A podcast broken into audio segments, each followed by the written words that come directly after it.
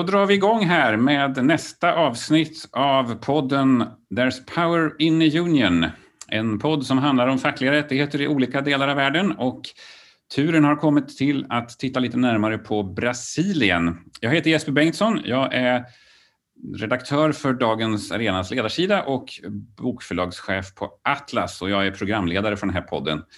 Och med oss för att prata om Brasilien och facket där så har vi Henrik Brandau Jönsson som är journalist och författare som sitter i Sao Paulo just nu. Eh, hur är det i Sao Paulo, Henrik? Ja, det är härligt att vara i Sao Paulo. Det är tyvärr lite dåligt väder det regnar. Men det här är ju liksom södra halvklotets största stad. Det här liksom är södra halvklotets New York. Jag älskar att bo i Rio, men jag älskar att vara i Sao Paulo för att det är en stad som lever 24 timmar om dygnet och här finns allt. Jag vet inte, hur känd du i Brasilien? I Sverige så är det ju en ganska bekant röst i både radio, tv och tidningar och så, men däremot så blev du lite känd här för, eh, om det var något år sedan eller två, när du, det var något videoklipp där du blev bestulen på en telefon. Jo, men det var ju precis det i Sao Paulo. Det var faktiskt i år, i, i maj i år, liksom jag stod och gjorde en, en live-rapportering på Avenida Paulista som är liksom den Latinamerikas mest pampigaste, rikaste gata och då kom det ett cykelbud och sökte ta min telefon. Och då sa jag lite uppfödningsord och lite annat sånt där och så blev det en viral video som visades 10 miljoner gånger här i Brasilien. Så även när jag är i Sao Paulo nu så är det ju så ja men det är ju han ju. och med oss har vi också Isabella Martins Grapengieser som eh, tidigare var praktikant på Arena Idé och som nu också befinner sig i Sao Paulo. Det visste vi faktiskt inte när vi satte ihop den här panelen. Eh, berätta, vad gör du där? Ja, jag, eh, jag håller på att skriva min masteruppsats i, i statsvetenskap, så jag håller på, just nu håller jag på att skriva då om en kommun i, i Rio faktiskt som har infört basinkomsten, egen valuta, väldigt eh, speciella, en speciell socialpolitisk eh, ställning. Så det är det jag håller på att skriva om just nu. Men nu är jag i São Paulo som eh, Henrik och vi, ja, vi har ju det här regnet här och eh, jag hörde av Henrik att han blev fast i, i trafiken igår. Eh, vilket är ganska klassiskt här när, när det regnar. Men, eh, men jag älskar ju också São Paulo så jag är väldigt glad att vara här. Det är lite som snö i eh, Washington eller New York kanske. Det blir liksom trafikstockning så fort det kommer. Ja. ja, precis. Jag kanske är här för att försvara det här eh, cykelbudet som bestal eh, Henrik och säga att ja, men de har ju faktiskt inga bra villkor. Att... Nej, precis. Du jobbade lite med, när du var på Arena Idé så mm. jobbade du lite med och arrangerade ett litet seminarium om eh, just cykelbuden i Brasilien. Och det är det du ska prata om lite när du är här. Ja. Precis. Ja, precis. Eh, jag gjorde, ett sånt, eh, jag gjorde en intervju med en statsvetare från São Paulo som också är väldigt engagerad i de sociala rörelserna här om eh, cykelbudens situation och hur de organiserar sig. Ehm, och ja, det finns ju också på Arena Idés Youtube där om man vill kolla på det. Och pandemin då, hur är läget där? För det är väl en av, nu pratar vi inte lika mycket om pandemin i Sverige eftersom att, eh, ja, nu börjar vi göra det igen för att siffrorna stiger lite och det kom några nya restriktioner. Men annars så tror jag hösten har varit mycket känslan av att folk tänker att det är över. Men det verkar inte vara riktigt i Brasilien. Nej, alltså dödstalen har ju liksom, vi har ju legat på, på typ 1500 döda om dagen, alltså över 1000 i, under hela pandemin. Som värst var det 4 000 döda om dagen.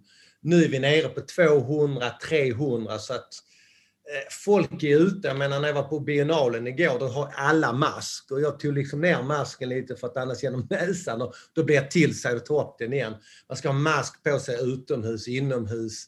Det är väldigt, alltså, det finns kvar, men det har, rädslan är lite borta. Folk kramar och varandra och sånt där. Det är inte lite det är inte lika ängsligt och lika farligt som det har varit tidigare. Mm. Jag vill säga. Mm. Eh, vi ska prata om fackliga... Ja, jag håller med.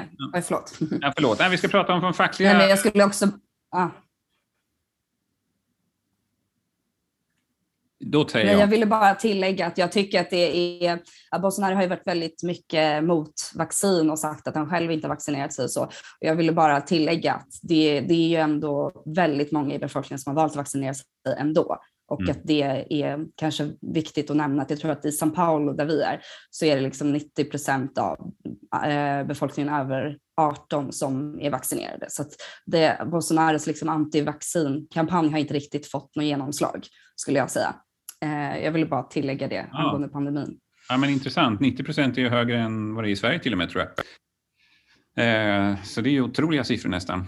Eh, men om, om vi nu tar upp den här frågan om facket. Henrik, du nämnde ju Lola förut. Han kommer ifrån den fackliga rörelsen från början och det var mycket diskussioner när Stefan Löfven blev statsminister i Sverige att han hade goda relationer med Lola, sen gamla fackliga kontakter och så. så att, Eh, vi har ju hört talas lite om hur det ser ut för facket där, men kanske inte någonting på djupet. Finns det en facklig rörelse att tala om? Är den utbredd? Kan ni beskriva det lite? Ja, alltså Brasilien, jag menar, Getulio Vargas som liksom kallas för liksom Brasiliens landsfader då på 30 och 40-talet, han startade då fackföreningar. Men det var ju egentligen maffiaorganisationer som lierade sig med, med företagen, med arbetsgivarna. Eh, fackföreningsrörelsen hade rötter i fascism, Mussolinis fascism i Italien. Så det var liksom inte förrän slutet på 70-talet just när Lula da Silva eh, startade arbetarpartiet som man kom igång med oberoende fackföreningar. Så att det här med oberoende fackföreningar det är egentligen bara liksom, ja, 40 år gammalt. Det började liksom, vad ska man säga, 79 när Lula började med de här strejkerna som faktiskt började på Saab Scanias lastbilsfabrik här i Saab Bernardo, en förort. Då kom man med riktiga fackföreningar som vände sig till arbetarna, som förhandlade med arbetsgivarna. Det är därför Lula blev en så duktig förhandlare. För han satt där med Volkswagen ena dagen, Saab andra dagen, Ford tredje dagen eh, och så här. Och då startar man ju CUT, eh, Central Unica de Trabalhadores, som är någon slags LO-förbund där man knyter, alltså det, jag tror det är världens femte största fackorganisation. Eh, Latinamerikas största, väldigt, jag tror det är åtta miljoner människor anslutna. Och den är ju kraftfull. Eh, men Brasilien är ju 210 miljoner människor. Så att det är ju inte ändå så väldigt stort. Eh, och den fungerar bra, men sen är ju liksom fack fackrörelsen, den är ju under attack sedan arbetarpartiet tappade makten eh, med Dilma Rousseff och sen har det liksom nyliberala regeringar tagit över och luckrat upp fackföreningarna. Så att idag, liksom de, den enda fackföreningen som är riktigt stark, det är lite konstigt, det är banktjänstemännens mm. fackförening. Det är, alltså det är de som strejkar mest. Det finns ingen annan kår i Brasilien som strejka mer än banktjänstemännen och de tjänar redan jättebra. De har alla rättigheter, de lever som kungar i det här samhället. Och ändå så bara fortsätter de att strejka, strejka, strejka. Både liksom inom privatbankerna och i statsbanken. Så att eh, det, det, det tyder, visar det här liksom ojämlika samhället som Brasilien är. Liksom, de som har det sämst, hembiträdena, där är väl 3% eller mindre anslutna till något fackförbund. Och då banktjänstemän som tjänar jättemycket, där nästan alla är med i fackföreningarna. Mm. Och de behöver ju inte det för de tjänar så bra. Så det, det, är typ det här orättvisa Brasilien. Mm. Isabella, är det din eh, bild av fackföreningarna i Brasilien också? Jo, absolut. Alltså, som Henrik säger så, så, eh, så Brasiliens liksom, eh, fackliga tradition har ju beskrivits som väldigt korporativistisk. Liksom, att det var eh, som eh, att innan, ja det fanns fackföreningar men det som, som Henrik de är ju liksom, var ju väldigt elitistiska och sen så kom eh, de, var väl, de förde väl kanske inte talan av, eh, för de representerade inte riktigt arbetarna i stort eh, och sen så kom Lula och det var liksom en stor förändring och de här strejkerna eh, i slutet av 70-talet och så. Sen så blir det ju liksom en stor skillnad när Lula kommer in som president, för då ser man ju liksom en möjlighet att eh, inkorporera sina krav eh, liksom top-down. Så att eh, det var ju en, en stor vinst eh, för, för fackföreningarna. Men sen så blev det också så att under eh, Arbetarpartiets eh, mandatperioder så försvagades också eh, fackföreningarna på ett visst sätt, för de blev inte lika liksom, radikalt utåt. De blev liksom sedda som en del av staten. Så det är liksom lite svårt. Mm. Eh, de har, ja, det är en lite komplicerad historia. Ja. Du beskrev lite tidigare där, en reform 2017 där finansieringen av facken blev ganska dramatiskt annorlunda. Kan du berätta lite om det? Precis. Ja, eh, nej, men som Henrik sa, att liksom med i Dilma Rousseffs regering så var det ju ändå, då var ju regeringen och liksom den statliga makten allierad med, med fackföreningarna. Men sen så när, när Dilma Rousseff blir avsatt så kommer ju eh, Michel Temer in och, eh, och så gör han en stor arbetsmarknadsreform eh, 2017 som liksom kraftigt verkligen har försvagat eh, facken.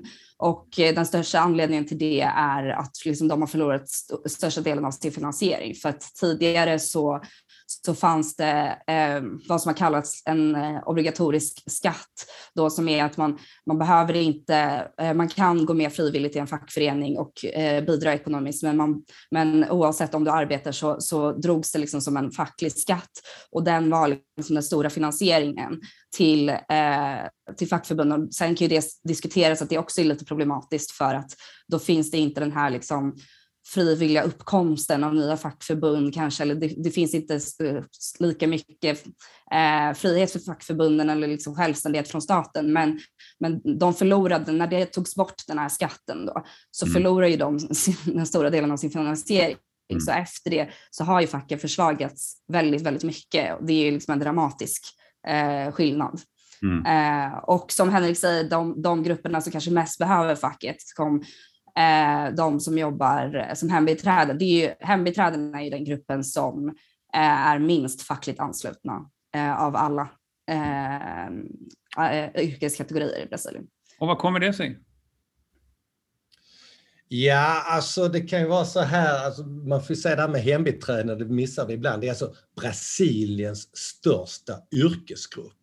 Det finns liksom fler hembiträden, lärare, städare. Den absolut största tror jag är 10 miljoner människor.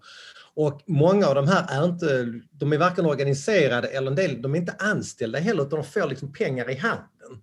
Så att det har liksom varit, blivit en kultur av att äh, jag städar och, hos er och tar hand om era barn så får jag cashbetalning. Eh, och därför så har man liksom inte organiserat sig. Det har blivit en, ett informellt arbete som då Dilma Rousseff ville ändra på och skapade arbetsrätt för de här hembiträdena där arbetsgivarna måste betala skatt, ett hembiträde får inte arbeta mer än åtta timmar per dag, arbeta mer ska vara övertid. Sånt där. Givetvis så röstade Bolsonaro för det här förslaget men det vann ändå laga kraft. Eh, så det har blivit bättre. Men, men det här det är, det är kulturellt. Jag gjorde ett reportage till Dagens Nyheter förra året. För under pandemin så, så drabbades ju hembiträdena väldigt dåligt för att eh, att de kunde inte gå till en arbetsplats och många av de familjerna som anlitade hembiträden de betalade inte lönerna då. Så, utan de bara liksom, ja, hembiträden bara var hemma. Eh, och där är, alltså det är så väldigt få som organiserar sig. Det är, liksom, det är en slavmentalitet att jag som hembiträde har inte rätt att kräva att arbetsgivaren ska ta hand om mig. Så jag får vara nöjd här och städa lite. Det är mm. väldigt olyckligt. Mm. Du har ju tittat lite närmare då på cykelbuden och även under pandemin nu, Isabella. Hur, eh, mm. Vad är det du har kommit fram till där? Nej, men jag, eh, när jag var praktikant på Arena Idé så gjorde jag ett samtal. Eh, det var i den här samtalsserien 10, samtal klockan 10.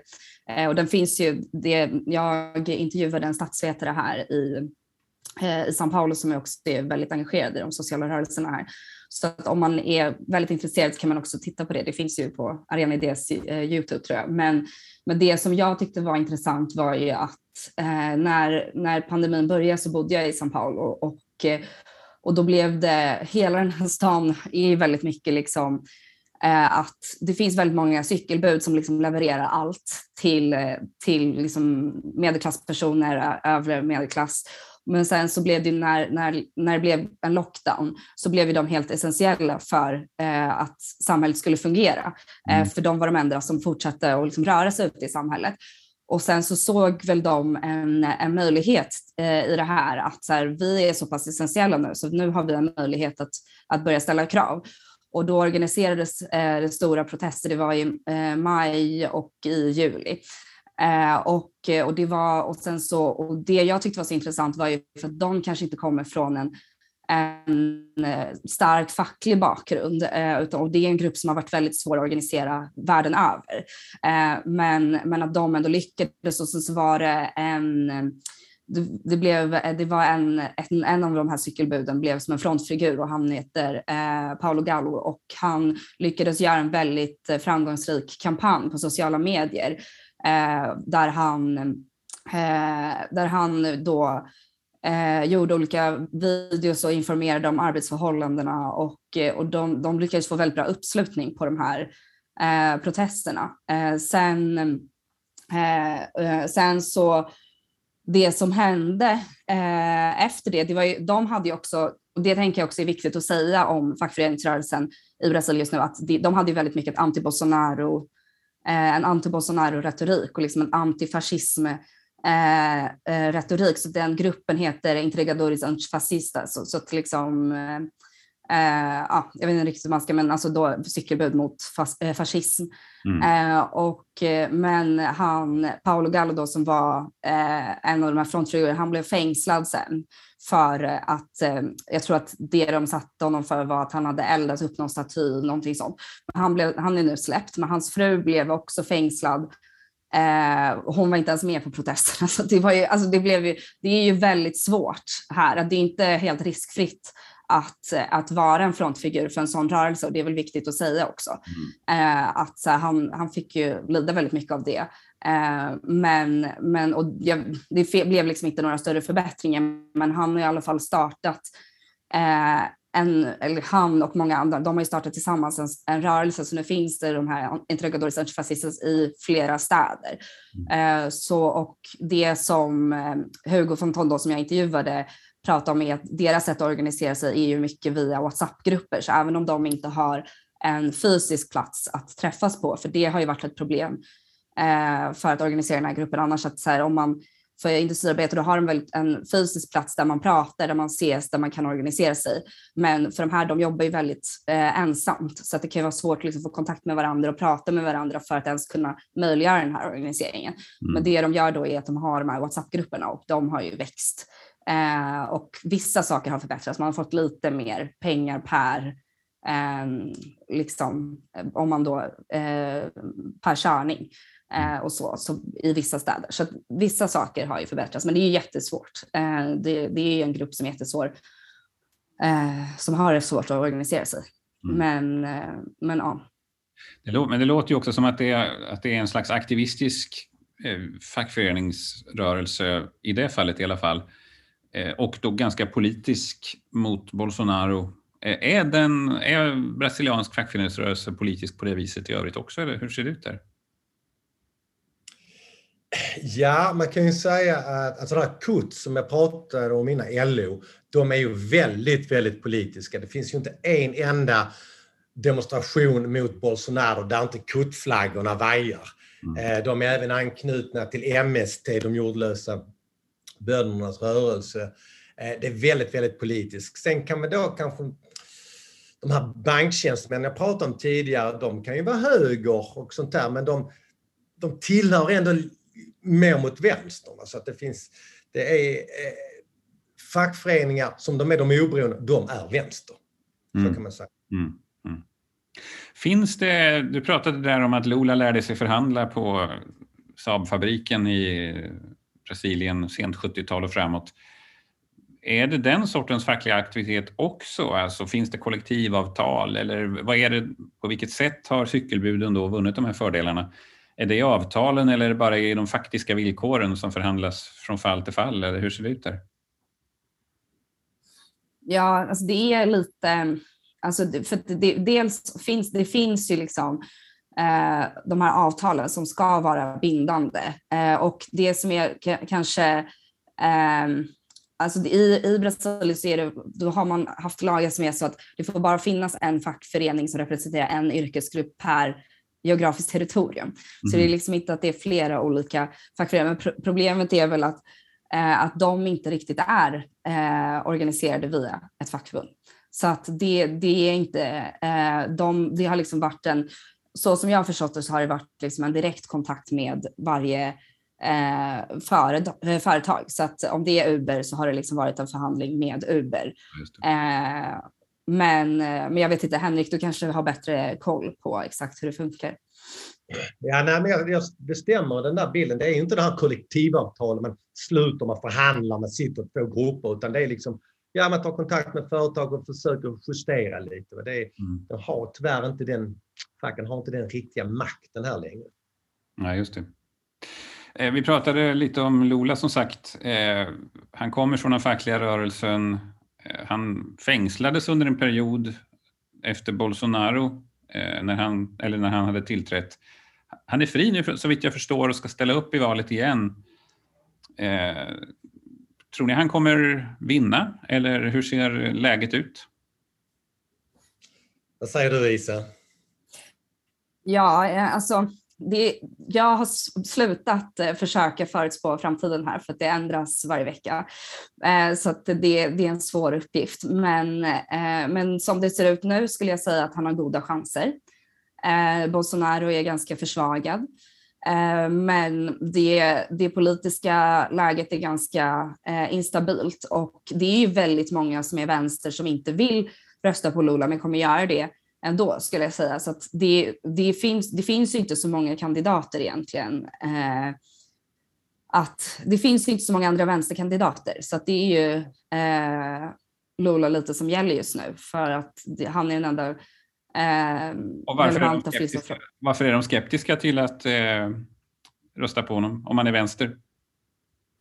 Eh, ja, alltså han har ju en lång politisk historia. Eh, han har ju suttit eh, två mandatperioder.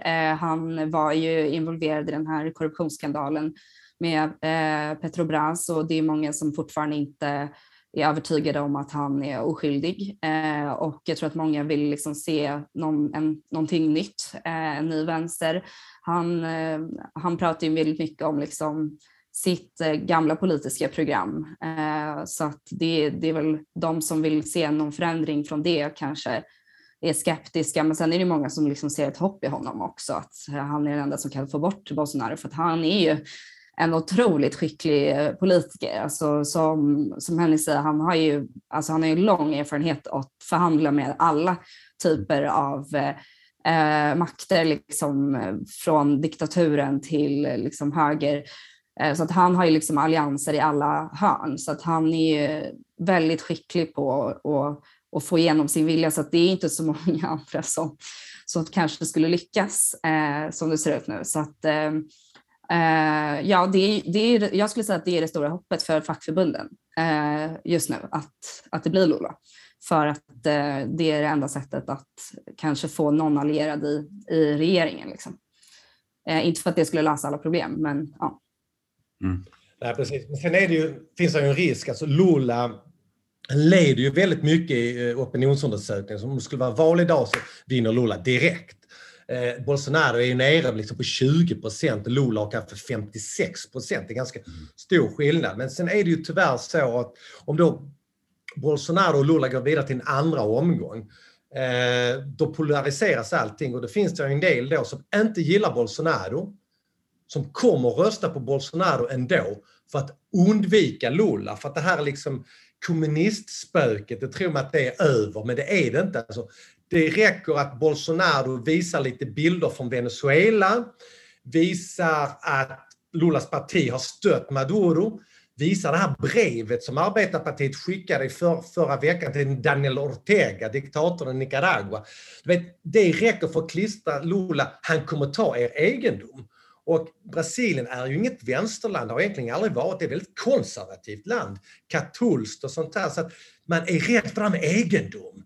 Mm. Och det kan då eh, Bolsonaro använda och då kan han liksom vinna valet.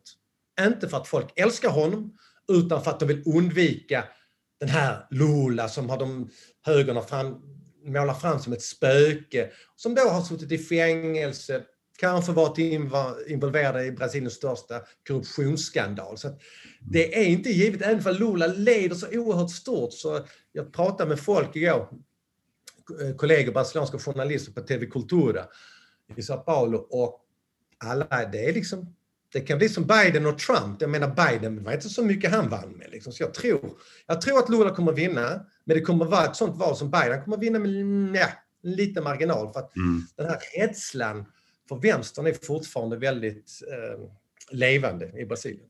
Men på samma sätt som med Trump så är det ju från vår horisont lite svårt att förstå hur Bolsonaro överhuvudtaget kunde vinna i första läget. Och, och ännu svårare att förstå nu med tanke på pandemihanteringen och allt som ni säger. Men eh, förklarar man det med att det traditionellt är ganska konservativt och att man är rädd för kommunistspöket? Eller är det, vad finns det någon annan förklaring till att han har kunnat få den starka ställningen han har ändå? Ja, alltså jag tror ju att, alltså, dels är det ju det här polariserade klimat som vi lever i i världen idag, liksom folk dras åt olika kanter. Det har ju hjälpt Bolsonaro. Sen var det när han blev vald så det var det väldigt mycket rån, mycket osäkert och då kommer den här saken att han är armékapten. Så många dras, alltså man har en tradition i Latinamerika att lita på militären. Eh, och det kan både vara vänster och höger. Hugo Chavez i Venezuela var ju militär eh, och så så att jag tror det har liksom hjälpt. Och sen är det så att brasilianare har någonting i sig där de vill liksom beat the system. Det finns någon slags mm, jag ska visa att jag är smartare än systemet.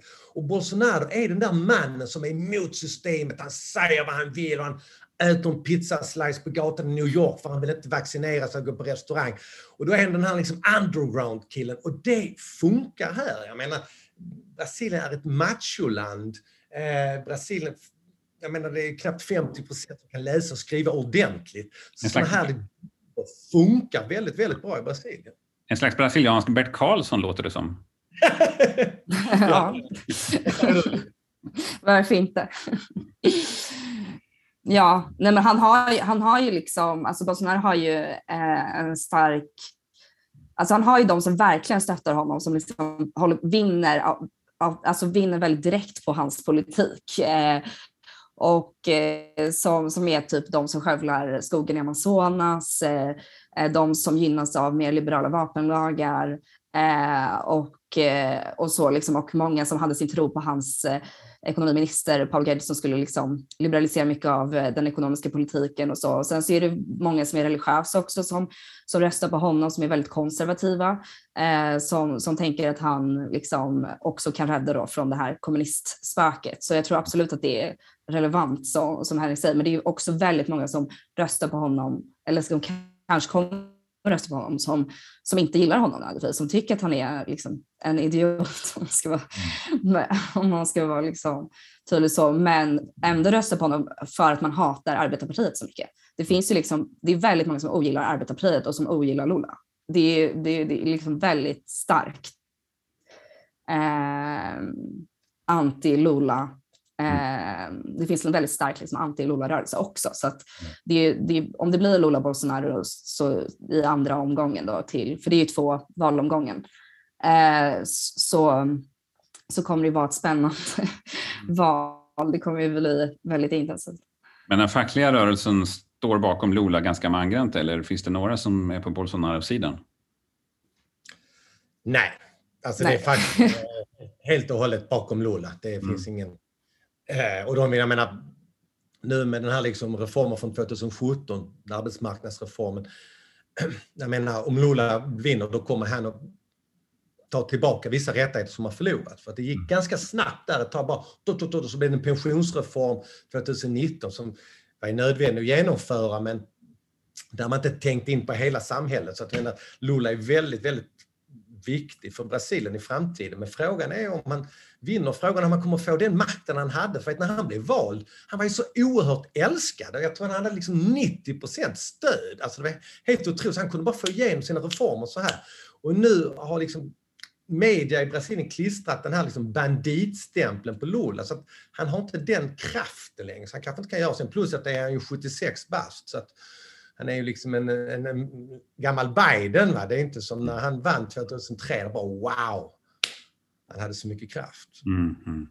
Hörni, vi börjar, eh, tiden börjar rinna ut för oss. Vi har okay. pratat i vår eh, utsatta halvtimme. Det har varit ett jättespännande samtal. Jag är oerhört mycket kunnigare om Brasilien än vad jag var när vi inledde. Eh, jag får tacka er, Henrik Brandau Jönsson och Isabella Martins Grapengieser från Sao Paulo. Fantastiskt att vi dessutom har kunnat prata. Det har inte ens varit någon liten tidsförskjutning känns det som. mellan våra olika röster. Men eh, det kanske det har, fast vi inte har uppfattat det bara. Eh, tack så hemskt mycket. Och, eh, tack själv. Vi hörs. Vi hörs. Tack så jättemycket.